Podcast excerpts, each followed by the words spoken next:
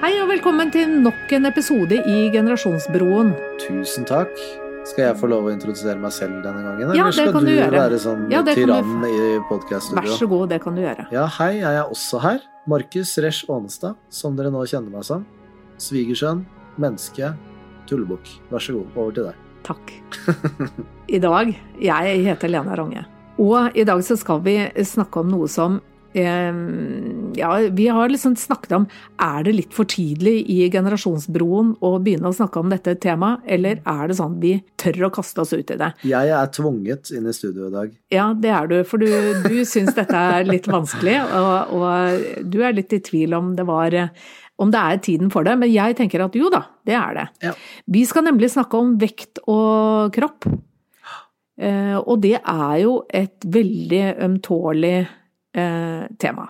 Det er det ingen tvil om. Det kan man virkelig si. Og da har jeg lyst til å begynne eh, med en liten historie igjen, jeg. Ja. Og det er at jeg vokste opp med en mor som alltid var på slankekur. Mm. Eh, Hun var på rødbetkurer og ølgjærkur og gudene vet, det var alltid et eller annet preparat som sto på kjøkkenet som hun skulle ha i seg for å bli tynnere. Og hun eh, var egentlig også ganske sånn tydelig på at eh, det å være slank var egentlig den viktigste kvaliteten en kvinne kunne ha. Det var også den eneste måten man kunne få seg en mann på. Det var å være slank. Så det er klart at jeg, eh, da hun begynte å snakke om at jeg kanskje hadde arvet eh, hennes hofter, eh, så var jo veien veldig kort for meg til en spiseforstyrrelse. Ja. Og det fikk jeg. Det var nok mange andre årsaker til det også, tror jeg. Men jeg fikk en spiseforstyrrelse som 13-åring. Hva kaller man den, da? Hvilken ble- type hadde du? Anorektisk. Ja. Og jeg eh, var eh, Hadde anoreksia i eh, rundt to-tre år, kanskje. Mm. Eh, Gikk ned veldig, veldig mye. Var eh, veldig forstyrret i hodet. Eh, Og så ble jeg Mammas drømmedatter? Så, Ja, egentlig. Ja, Bortsett fra hun merka det jo ikke, for jeg gikk jo med større og større klær. Ja. Og hun var heller ikke så veldig opptatt av andre enn seg selv, så hun, hun la egentlig ikke merke til at jeg bare ble en skygge av meg selv. Nei. Eh, Jeg var jo superfornøyd, selvfølgelig, eh, med tilstanden min, Eh, men jeg skjønte jo at, at det var noe som var ordentlig gærent. Og så eh, ble jeg bulimiker etter hvert, og det er jo også en veldig vanlig utvikling hos mange, som enten så sulter de seg i hjel, eller så eh, utvikler man en annen type spiseforstyrrelse. Og eh, som en guds lykke så klarte jeg aldri å kaste opp. Ja. Så jeg hadde spisekick, og så tok jeg avføringsmidler. Og det gjorde at jeg gikk opp til en normal vekt, og hadde den eh, vekten ganske normal eh, i eh, ganske mange år. Mm. Eh, Men eh, var jo fremdeles absolutt veldig forstyrret eh, i hva som på en måte var eh, sunt og ikke for kroppen min, da. Den var ikke så viktig. Kroppen min var ikke så veldig viktig. Og forstyrrelsen er jo mer enn bare det man ser. Det er veldig mye mer enn det man ser. Forholdet til mat er ja, jo- ja, helt uh, skrudd. Uh, og, og, uh, men etter at jeg fikk barn, så, så forsvant eh, på en måte mange av eh, de forstyrrede tankene, da. Det gikk over i å bli mer et vektproblem, men som jeg eh, selvfølgelig håndterte eh, ganske dårlig, fordi jeg var jo ikke opplært i hvordan jeg skulle håndtere eller koble meg på kroppen min, på en måte. Mm. Kroppen og hodet hadde skilt lag da jeg var 13, egentlig. En ulykkelig skilsmisse. Ja, det var jo helt forferdelig. Ja. Eh, og, og så tenkte jeg da jeg fikk barn at eh, det er i hvert fall én ting Du vet eh, sånn når man tenker sånn man skal ikke føre videre det ens egen eh, har, ja, ikke sant, har påført deg. Eh, så tenkte jeg at jeg skal aldri snakke om kropp eller eh, mat hjemme hos oss. Eh, og det har jeg gjennomført, så jeg har på en måte, hva skal vi si, eh, jeg har gjort en god jobb i å ikke påføre dem mine ting. Mm. Så selv om jeg har gått på Grete Rode-kurs og Libra-kurs og gudene veit hva jeg har gått på opp gjennom årene, og kroppen min har vært opp og ned som en jojo i vekt, men barna mine har ikke eh, visst at jeg har gått på kurs. Mm. Eh, de har jo bare sett meg som en mamma. Eh, og, og, og de tror jeg aldri har lagt merke til hvorvidt de har gått opp eller ned før faktisk de ble voksne og flyttet hjemmefra Mm. og begynte å se meg mer kanskje som en person, da. Ja. Så de kritiske årene ble de på en måte skånet for de tingene? Ja, egentlig så, så tror jeg at de ble det. I hvert fall så er alle mine barn er i hvert fall ganske sånne sunne Normalvektige. Ja, normalvektige. ja, ja, god og, appetitt og og de spiser normalt, og de er ikke opptatt av den type eh, Ja, hva skal vi si De snakker ikke så mye om eh, kropp og vekt, da. Nei. Og så har jeg tenkt en ting, fordi det jeg ikke har klart, er jo å koble på hodet mitt på kroppen igjen. Mm. Eh, før nå, faktisk, det siste året. Og det har jeg lyst til å snakke mer om etterpå. Men, men først så har jeg bare lyst til å Jeg syns jo det er, det er jo mye sånn Det er mye snakk om ikke sant, sånn reklameverden og, og at det er så mye eh, press på de unge og, Mm. og, og sånn om Kroppspress. ja. Mm. Jeg tror jo på en måte at jeg har det ikke alltid vært det, men, men, men kan, ikke du, kan ikke du si litt om hvordan, hvordan snakker dere i deres liksom, omgangskrets og generasjon om dette med kroppene deres? Eh, kommer jo litt an på hvem jeg er med og ja, hva slags miljø det er, på en måte. Men eh, i noen miljøer, sånn kanskje mest sånn guttaprat, så er vi veldig åpne om det. Vi kan Jeg var eksempel på en, eh, en eh, guttetur til Georgia med to kompiser. Fikk det i, i 30-årsgave. Eh, og da hadde han ene kompisen min gått opp eh, ja, kanskje ti kilo mer enn det han pleier å veie. Og vi gikk jo rundt i baris, det var varmt og fint og nydelig i Kaukasusfjellene der. Eh, For øvrig et land man absolutt burde besøke. Eh, Men da vi har litt sånn humor med alt, så da han tok av seg til baris første gangen, så klarte jo ikke jeg annet enn å flire litt, fordi han så jo ikke ut som seg sjæl. Og påpekte jo det, da, at eh, ja, du, du har kost deg litt i det siste, liksom. Og så tok vi jo en del bilder gjennom den turen, og gikk jo gjennom alle de bildene i etterkant og sånn, og da var ikke han fornøyd med det. eh, Og tok grep, og tre måneder etterpå så var han tilbake i normalvekten sin. Og han Vi møttes eh, ikke Altså rundt det tidspunktet da. Og da takket han faktisk meg for at jeg hadde plaga han litt, noe. liksom, og sagt noe. eh, Fordi det var jo på en måte, i hans eh, ord, da, helt riktig, liksom. Det, det er ikke Altså, for han så er ikke det sånn han verken vil se ut, eller den livsstilen han har lyst til å ha, som jo hadde gitt han de ekstra kiloene. Så, så han opplevde ikke det som fatshaming, liksom? Nei, det, det gjorde han ikke. Og det var jo sikk, altså, sikkert litt ubehagelig, selv om det var sant, humor og, og omsorg på en måte. Men, men eh, nei, jeg tror ikke han eh, opplevde det som fatshaming, nei. Eh, Så jeg føler at i guttegjengen så, det, så kan vi snakke om vekt, og vi kan snakke om trening, og vi kan snakke om disse tingene uten at noen blir veldig lei seg og, og så videre. Eh, Og så føler jeg of, oftere at jeg må tråkke litt forsiktig eh, hvis jeg snakker med, med venninner eller samboer eller Mm. damer, da. Mm. Eh, og har jo f.eks.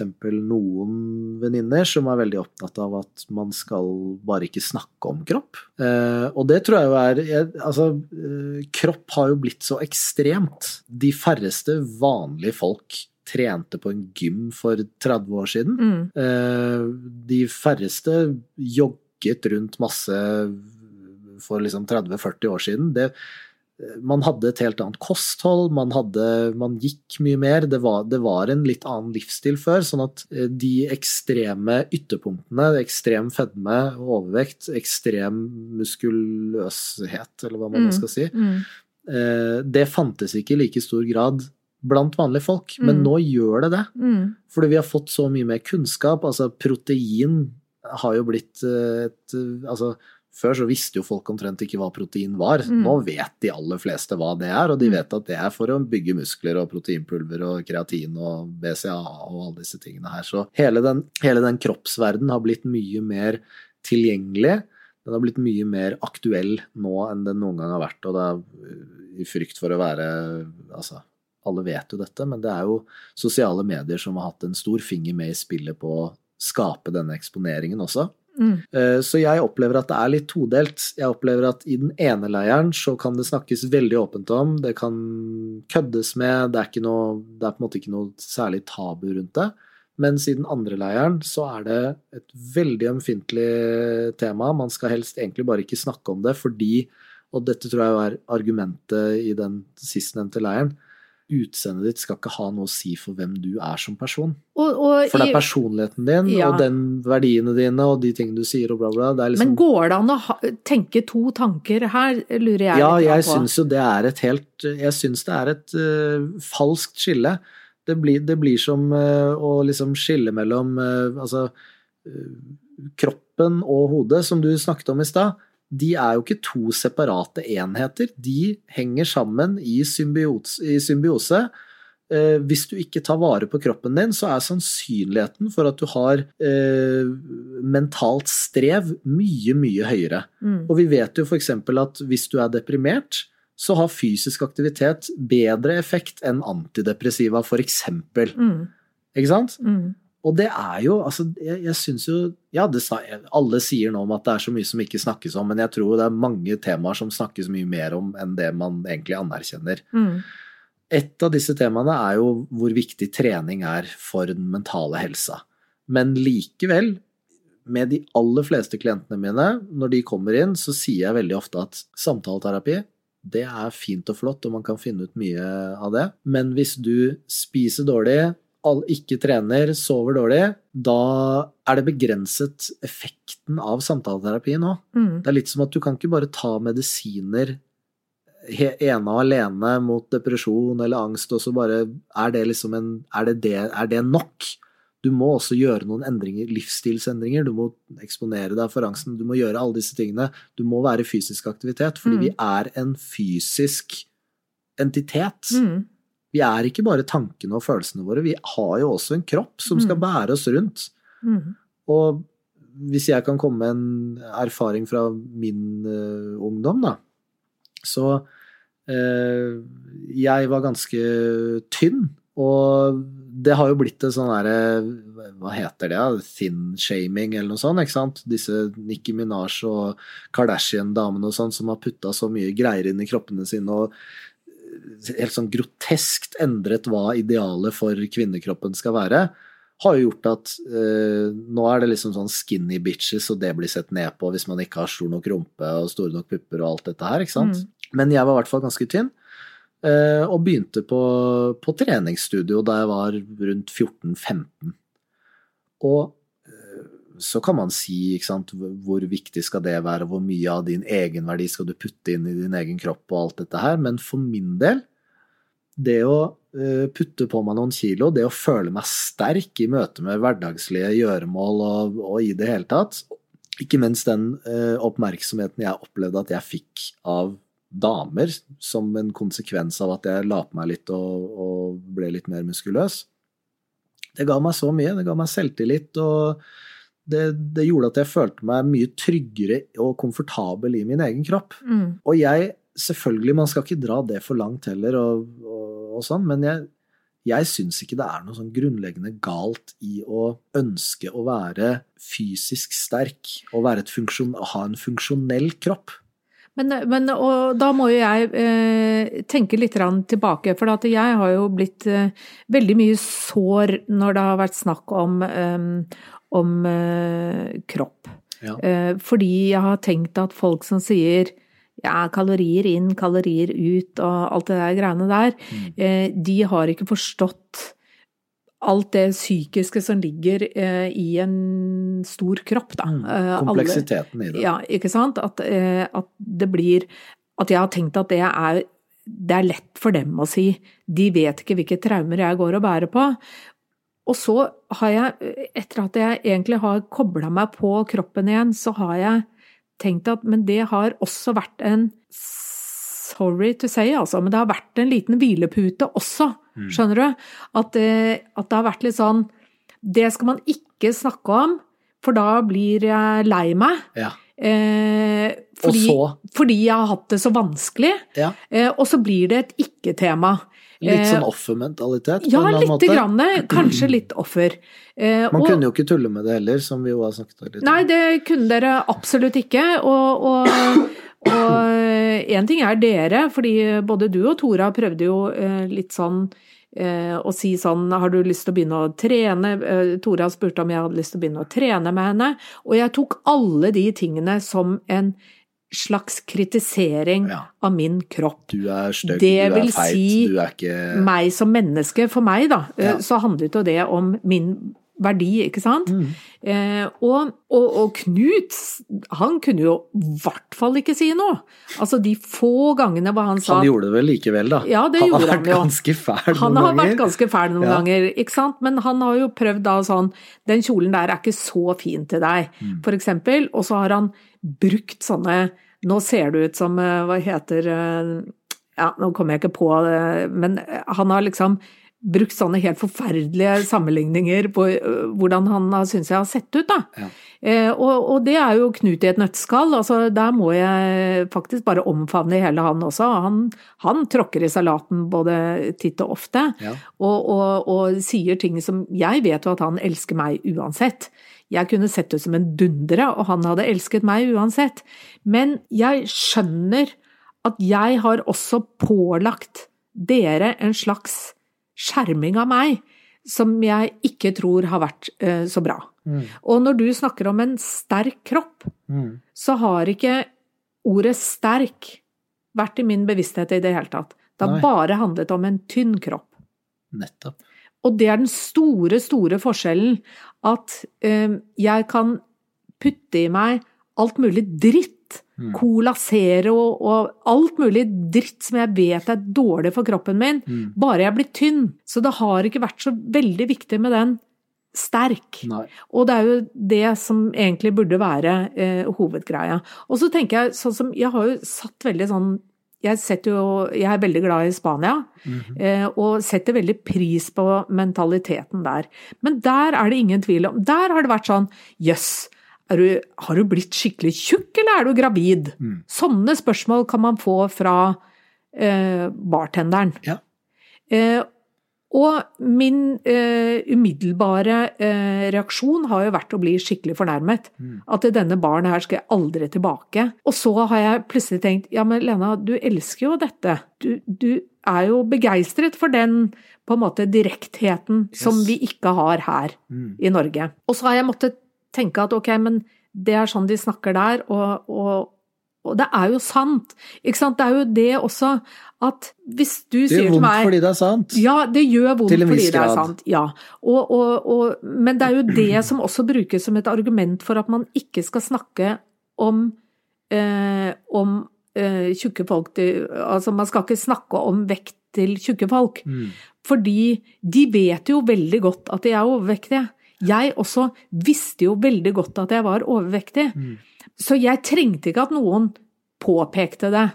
Skjønner du, skjønner du hvor jeg Ja, vil hen, Ja, liksom? men, men hvorfor Altså sånn ehm, Herregud, jeg, jeg syns dette er veldig vanskelig å snakke om, jeg må bare si det. Men, men jeg, jeg syns jo eh, det har kommet en sånn eh, bølge av sånn eh, Hva heter det? Body acceptance, altså sånn health at every size og, Ja. og sånn. Og jeg, jeg har sett noen Altså, ikke sant, dette er jo reels og klipp og Ja, ja, ja. intervjuer og ting og tang fra England, eksempel, hvor dette er et veldig hot topic, fordi der er det ekstremt mye overvekt. Ja.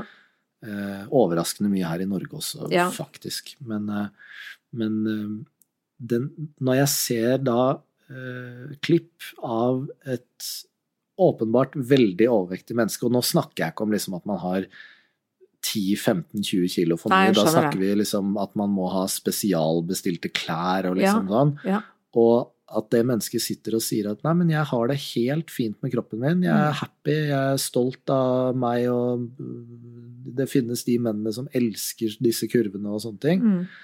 Da jeg kjøper den rett og slett ikke. Jeg, jeg, jeg syns det er veldig vanskelig å la meg overbevise av det argumentet, fordi det er jo Hvis du er så stor, så er det jo åpenbart ikke et resultat av kontroll over ditt eget inntak, kontroll over din egen fysikk, på en måte. Er, for meg så blir det da et tegn på at her er det noe som ikke stemmer. Her er det et menneske som sliter med selvregulering, og som mest sannsynlig bruker mat som en eller annen form for emosjonell regulering. Selvfølgelig. Og det er jo ikke bra. Og, men, men, men, i samme vending, når jeg da sier det nå, så betyr ikke det at jeg mener at, de er et, eh, at det er et dårlig menneske, eller Nei, at det er, det noe ondsinnet bak, Nei. eller at jeg liksom hater dem, eller Nei. har noen av de tankene. Mest av alt så syns jeg jo bare det er synd Ja. for det mennesket. Og det, ikke sant, fordi øh, jeg har jo heller aldri trodd på det. Men så har jo jeg eh, i neste omgang tenkt ja, men det er fordi jeg har lært at eh, det viktigste er å være slank. Eh, eller tynn, da. Ja. Eh, og, eh, så derfor har ikke jeg noen saying i dette her. Eh, jeg tror ikke på de tjukke menneskene som sier at jeg er veldig fornøyd med sånn som jeg ser ut, eh, fordi jeg har den bakgrunnen jeg har, har jeg tenkt. Mm. Men, men jeg, har, eh, jeg er litt uenig med meg selv der nå. Jeg tror at det er en type um, unnskyldning, da, eller offergjøring av, av seg selv. Det, det tror jeg faktisk at jeg Og samtidig så vet jeg jo også at disse mekanismene, sånn som når du bruker ord som kontroll, da, Mm. eh, så kan jo jeg huske den fantastiske følelsen av kontroll jeg hadde da jeg var anorektiker. Ja. Fordi der følte jeg jo at jeg tok kontroll over hele livet mitt. Yes. Og det gjorde jeg jo, men på en veldig uhensiktsmessig og egentlig livsfarlig måte, ikke sant? Ja. Men jeg var i full kontroll. Jeg visste absolutt hver eneste lille bit jeg tok i munnen. Eh, Jeg brukte ikke leverpomade engang, fordi eh, jeg var redd for at det kunne være kalorier i det. Leppepomade for de som ikke Ja, eller Fikk- leppepomade, som det heter på norsk, da kanskje. Ja. Eller sånn. Em, og så, så det med kontroll også kan i hvert fall for meg eh, trigge noe, da. Ikke nå lenger, for jeg, som sagt, jeg er bare blitt frisk. Og jeg bare tenkte at jeg skal fortelle litt om hvorfor, Mm. og hva som skjedde. Ja. Fordi eh, jeg var ganske sikker på at jeg faktisk eh, fremdeles hadde en type spiseforstyrrelse. Og eh, jeg søkte på spiseavdelingen på Modum Bad. Og tenkte at jeg, jeg må rett og slett jobbe med disse tingene. Jeg må finne ut av hva det er, hvorfor jeg bare legger på meg, legger på meg, legger på meg, og hvorfor jeg ikke jeg klarer å ta tak, da, selv om det er så viktig for meg. Ja. Eh, og så kom jeg inn til et sånt prøve... Altså en sånn slags Screening. prøveuke, liksom. Ja. Hvor jeg var der en uke. Eh, hvor vi var seks stykker sammen. Eh, det var en veldig fin opplevelse. Eh, og jeg oppdaget veldig, veldig fort at jeg har ikke lenger en spiseforstyrrelse. For plutselig så møtte jeg alle dem som jeg hadde vært før. Eh, både gjennom eh, anoreksiaen min, men også gjennom eh, bulimien. Mm.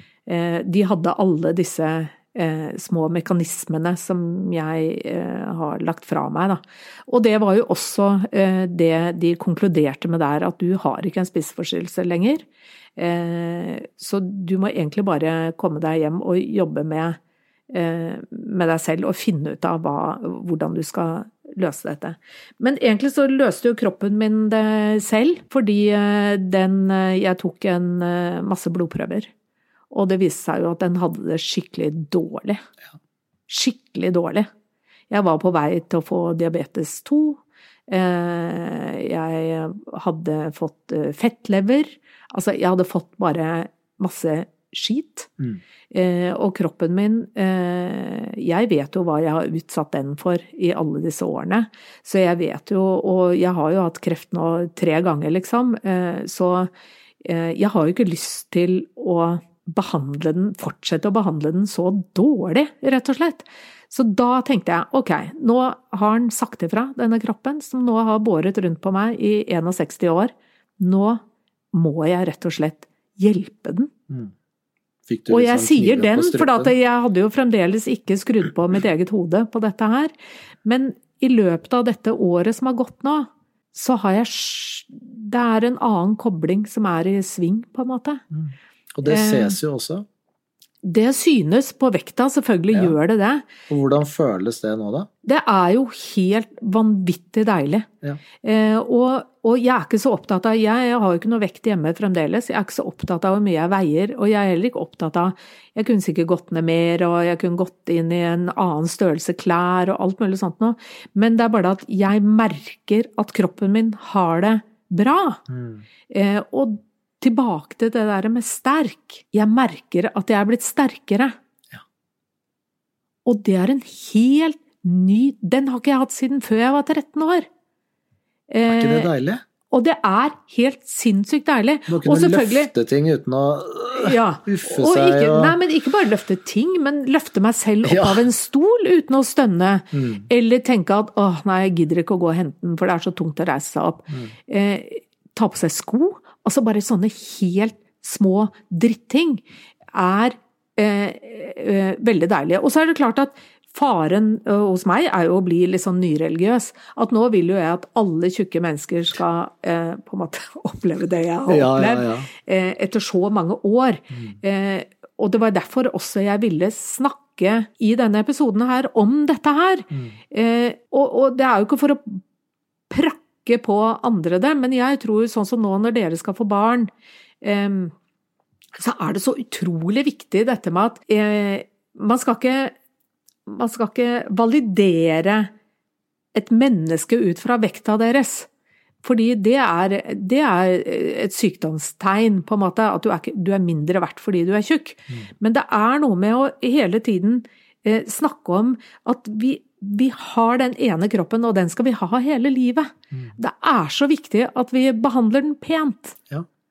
Du kan jo Altså, eh, hvis rommet ditt ser ut som et kaos, og hjemmet ditt ser ut som et kaos, så er jo det et tegn på at ting ikke er helt i vater. Ja. Og det samme er det jo med kroppen din. Du, kroppen din er jo ditt primærhjem. Ja. Og så har du huset ditt eller leiligheten din eller hvor enn du bor. Men du må jo rydde og, og tørke støv og vanne plantene og liksom gjøre de tingene i din egen kropp ja. for at du skal ha det bra. Ja, det er akkurat det du må. Og så tenker jeg også fordi eh, sånn som opp gjennom årene da, ikke sant, eh, så, så er det sånn hvis du er overvektig, så har du også mye større sjanse for å få kreft, f.eks., eller veldig mange sykdommer, da. Eh, og det har jeg tatt som et personlig angrep på meg. Eh, Din skyld. Ja, da har jeg tenkt at det er min skyld at jeg har kreft, jeg har fått kreft. Og så har jeg visst at nei, men har, eh, min kreft hadde ikke noe med det å gjøre. Noen kreftformer har noe med det å gjøre. Så istedenfor å på en måte ta det så veldig personlig, da, så går det an å si at ja, eh, det er faktisk sånn at man kan få en del sykdommer av å være overvektig, eh, og, og det er vanskelig å gå ned i vekt, altså det er det ingen tvil om, og særlig hvis man har et forstyrret forhold til mat. Jeg tenker at Eller en eller annen form for genetisk disposisjon. Det er jo unntak fra regelen, selvfølgelig. Selvfølgelig er det det. Og, og jeg tenker på sånn som han kompisen din oppe i, i Georgia. Han har sannsynligvis Han er aldri hatt altså. Han har sannsynligvis aldri hatt et vektproblem, eller han har ikke hatt et forstyrret forhold til mat og vekt. Nei. Så derfor var det veldig, en veldig sånn rak, eh, enkel måte for deg å kunne si du, hallo, hva er det du Eller eh, at dere kunne se på bildene etterpå, og han bare skjønte at dette eh, dette går jo ikke lenger. Å gjøre noe med det på en sunn måte. Mm. der var jo ikke jeg eh, i det hele tatt. Eh, fordi jeg ville Altså, jo, jo, jeg kan komme med enda et eksempel. Fordi Tora eh, bodde et halvt år i Taiwan og tok, eh, var på utveksling da hun holdt på med studier. Og da var Knut og jeg og besøkte henne. Da var jeg veldig stor. Eh, og den siste dagen før vi skulle dra hjem, så var vi på et sånt tehus eh, for å ja, for å oppleve liksom det å, å, å gå gjennom en sånn type teseremoni. Og det var et utrolig vakkert sted, men vi måtte sitte, vi skulle sitte på huk. Jeg kunne jo ikke sitte på huk, jeg var altfor stor. Eh, og, eh, og Knut drev og tok bilder. Eh, og han tok masse bilder i løpet av den turen. Og jeg så på de bildene etterpå, og fordi jeg var så svær, og fordi jeg var så skamfull, så på en måte gikk hele turen i dass. Ja. Da jeg bare hatet hele den turen fordi jeg var så tjukk på de bildene. Og, og sånn, apropos han kompisen din i Georgia, da. Eh, han eh, Hele turen gikk ikke dass, selv om eh, dere påpekte at han hadde gått opp ti kilo. På ingen måte. Men for meg så var det sånn fordi at da gikk hele, hele den sekken jeg gikk med på ryggen, Mm. eh, den ble bare 20 kilo tyngre, liksom. Ved å se på de bildene. Så kjipt. Ja, skikkelig kjipt. Eh, og, og, og det er jo disse mekanismene som, er, som jeg bare jeg, jeg håper at eh, noen av dere som hører på, kanskje får noe ut av dette her, altså. Men det er, det er veldig vanskelig, og det er eh, Samfunnet legger jo veldig opp til overvekt. Fordi vi Altså, samme som sosiale medier. Sjokoladene står ved kassa. Ja. Eh, Det er siste stopp, liksom. Og da er vi kanskje litt slitne og har tatt masse valg eh, tidligere i butikken, liksom. Så da er det veldig lett å bare raske med seg noen sjokoladeplater eller en Snickers, som er min favoritt. Mm. Um, og fasting, for eksempel, har jo blitt en veldig populær greie nå. Mm. Uh, jeg har selv eksperimentert litt med det. Jeg har prøvd intimiterende fasting, hvor man, ikke, hvor man har et vindu hvor man spiser hver dag, som for de fleste er da fra mellom 12 og 8. Mm. Man har et åttetimersvindu. Um, men jeg har også prøvd uh, 24-timers fasting. At jeg ikke spiser på 24 timer. Og det gjorde jeg for første gang i februar i fjor. Og det var jævlig spennende. Mm. Fordi da ble jeg så klar over hvor sjelden jeg faktisk er sulten når jeg spiser. Ja. Oi. Fordi vi, vi blir jo opp Altså, det er jo masse Ikke sant, alle disse Tine-produktene og Ja, ja, ja. mellommåltidsreklamen og sånn, ikke sant. Du skal og lite. on the go, og du skal liksom hele tiden bare spise litt, liksom, og du skal aldri være sulten. Men vi vet jo eh, fra forskning også at det er veldig bra for regenerering av celler og fornying og immunforsvar og alt sånn, og faktisk være litt i deficit, at man kjenner på den sulten, fordi Mm. da jobber kroppen på en helt annen måte. Det er også Nå ser jeg at det er ledende eh, leger og forskere som går ut og sier at eh, fasting er også veldig bra for eh, sånn kreftforebyggende. Mm. Fordi det gjør at da spiser kroppen av de cellene. Den renser seg selv, rett og slett. Mm. Og det, det blir vi jo veldig sjelden utsatt for, fordi vi spiser hele tiden. Vi Mm. er, vi er rett og slett vi, Samfunnet har gjort at vi er ikke intuitive spisere lenger. Vi styres av de markedskreftene som Mm. er der ute, ikke sant? Og så er det jo sånn at kroppen vår har jo vært lik eh, i, gjennom hele historien. Så Ja da, det er noe- ikke store ikke endringer, liksom. Nei, så, så, og det handler jo om at da vi var på en måte jakt og bytte, eller hva det heter for noe eh, Hunter-gather og ja. sånn, ja. Så, så var det jo ikke sånn at man hadde små mellommåltider. Det var jo, det var jo kanskje ett måltid om dagen, Ja, ja. eller eh, Caveman diet kaller man det. Ett måltid om dagen. Men selvfølgelig så kan man jo si at ja, men så levde jo de, kanskje de var eh, 25 også, eh, så det kan jo være eh, veldig mange ting som spiller inn her, da. Mm. Men eh, faste har jo vært min vei også ut av det. Eh, altså sånn eh, mellom tolv og åtte spiser jeg. Eh, og, og for meg har, har det eh, åpnet en helt ny verden, men, Mm. eh, men fordi plutselig så har jeg et normalt blodsukker, eksempel, eh, som jeg absolutt ikke har hatt før. Man er så livredd for å være sulten. Ja, nei, liksom jeg har liksom ikke vært så redd for det. Jeg har ikke vært så redd for å være sulten. Jeg tror det er mange som er det, altså. Ja, nei, jeg har jo likt det, også fordi da har jeg tenkt at kanskje, sånn. kanskje jeg blir litt anorektiker igjen, liksom. Ja, ja. Eh, Du skal jo selvfølgelig da passe deg litt mer for de tingene. jeg må passe meg for du, sånne triggere. du har dratt strikken så langt. Er Jeg- jo som en, eh, du er som en eks-alkoholiker, på en måte. ja. Du må passe litt jeg mer må på passe de litt på. Og derfor også så uh, satt det langt inne hos meg eksempel da han som har skrevet den pulskuren, Ja. uh, Torkil Færø, han uh, spurte meg, som vi har vært på skrivekurs sammen for noen år siden, han spurte meg om jeg kunne tenke meg å være i en sånn kontrollgruppe med, den, med en sånn pulsklokke. Og jeg sa jo nei med en gang til det. Fordi jeg tenkte at det er en sånn trigger for meg. Eh, at jeg skal holde på å følge med på en klokke, liksom, det er Tror ikke jeg er noe sunt, da. Men så tenkte jeg, men fader, eller har du blitt litt er det, er det en unnskyldning for deg, eller er det liksom Hva er det egentlig dette her? Eh, det endte i hvert fall med at jeg sa ja. Eh, og, og, for meg var det eh, Men jeg måtte gjøre noen bestemmelser, da. Så jeg sa at den klokka, den skulle jeg bare sjekke om morgenen og på kvelden før jeg la meg. Jeg skulle ikke ha frem det der kroppsbatteriet og puls og alt mulig sånt. Jeg ville ikke ha det på selve klokkeskjermen. Der skulle jeg bare ha viserne med hvor mye klokka var.